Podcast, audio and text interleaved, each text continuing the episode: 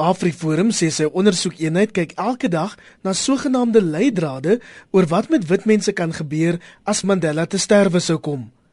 Ernst Roots, die adjunkuitvoerende hoof, sê hy is oortuig wit mense het niks om voor te vrees nie. Ons ondersoekeenheid is daarop gefokus om hierdie ek wil amper sê leidrade op te volg. Elke keer wanneer ons so iets kry, ons hoor gereeld iemand het iewers op Facebook gesê, jy weet al die wit mense gaan doodgemaak word en hulle beplan hierdie groot ding.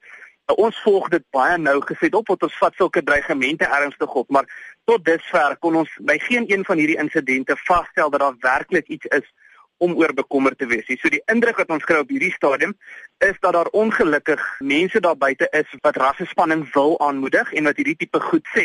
Van weerskante mense wat wat hulle eie stories opmaak en sê hulle het iets gehoor en mense wat net bloot eenvoudig dreigemente maak en sê ons gaan vir julle kom. Maar die belangrike ding is dat 'n mens nie moet hardloop met goed waarvoor daar nie gronde is om oor bekommerd te wees nie. Daar is honderde webwerwe en internetgespreksforums oor die onderwerp. En Root sê AfriForum is ook bewus van mense wat meneer Mandela se siekbed gebruik om rassespanning aan te blaas.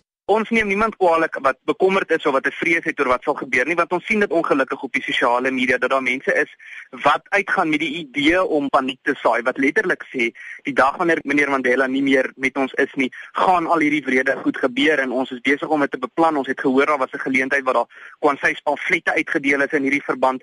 Ons volg dit baie nou geset op en ons het geen gronde op hierdie stadium om te kan sê dat mense rede het om bekommerd te wees soos wat dit klink of soos die paniek eintlik gesaai word op hierdie stadium nie. So ons wil mense aanmoedig moenie hardloop met 'n storie as jy nie bevestiging het dat dit werklik die geval is nie. 'n Politieke ontleder, professor Andrei Dievenage van die Noordwes Universiteit, verwag in die geval van meneer Mandela se dood nie 'n buitensporige groot impak op die politieke toneel nie. Ek dink op 'n wyse het politieke prosesse reeds sy dood begin verdiskonteer. Maar nou moet mens in gedagte hou, hy is 'n belangrike simboliese figuur en daar is bepaalde waarborge in sy persoon en in sy teenwoordigheid.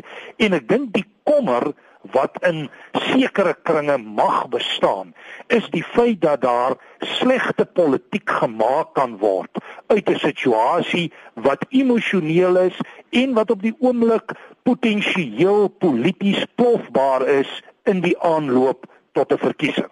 Hy waarsku egter dat sommige wit mense ongemaklik voel weens dikwels militante uitsprake oor veral grondhervorming uitsprake wat onder meer sê Zimbabwe kan dien as 'n voorbeeld vir Suid-Afrika.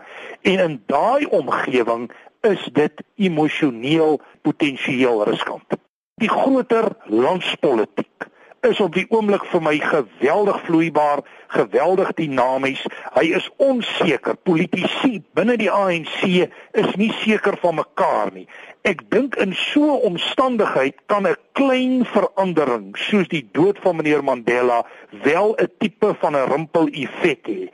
Maar ek moet sê aan die ander kant is die feit dat ek dink 'n groot deel van die openbare mening verreken reeds dat meneer Mandela die einde van die pad bereik het en dat hy nou eintlik maar net rus gelaat moet word. Die groot vraag bly, wat gaan politici hiervan maak? En daar gaan definitief iets daarvan gemaak word. En my aanvoeling is dat daar bepaalde steun polities te mobiliseer is in die dood van iemand soos meneer Mandela en ek dink daarin lê die risiko. So die belangrike boodskap vir my is om eintlik meneer Mandela te los en hom half buite die partytetiese prosesse van vandag te plaas om hom te sien as 'n staatsman en nie as 'n politikus wat vir partytetiese voordeel uitgebuit moet word nie. Die veteraan joernalis Max de Pre beskryf wit kommer oor 'n Suid-Afrika sonder Madiba as 'n ou samesweringsteorie wat uit regse vrese ontstaan het. Hy sê egter dis vandag nie net wit mense wat vir die ergste vrees nie. Daar het die mite ontstaan oor Siener van Rensburg wat 'n voorspelling sou gemaak het 100 jaar gelede dat as Mandela sou sterf dat dit die nag van die lang messe sou meebring en dat wit mense voor die voet geslag sou word. En die mite het toe opgebou in die koppe van 'n klomp verregse mense en ander. En uiteindelik is dit genoeg herhaal sodat mense dit begin glo het.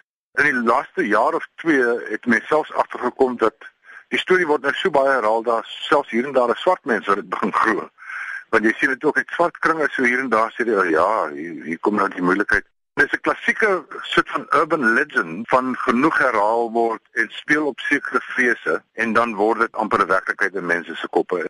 De Pre sê die nuus Sondag aan dat Madiba in 'n kritieke toestand in die hospitaal is, het 'n gevoel van welwillendheid oor rassegrense heen gebring.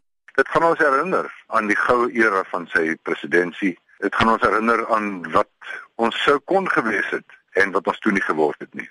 Ek dink nie enigiemand hoef Bolivie op te gaar nie. Mense moet ook daarom ook onthou meneer Mandela speel al vir baie jare lank nie 'n aktiewe rol nie. Dis 'n bietjie pervers vir my om te dink dat iemand wat sy lewe gegee het vir versoening en eenheid en demokrasie en waardigheid dat hy nou as 'n soort van 'n lisensie beskou word vir alles waarvoor hy nie gestaan het nie. Ons gaan almal saam rou en saam onthou wat 'n wonderlike man hy was en wat 'n vaderfiguur hy was. Hy sê mense vergeet dat die wêreldbekende oud staatshoof 'n groot liefde vir Afrikaanssprekende mense gehad het hy het ons vir die eerste keer wat glo ons is een nasie en dit is ook waar van swart mense. Dit is net van wit en bruin nie.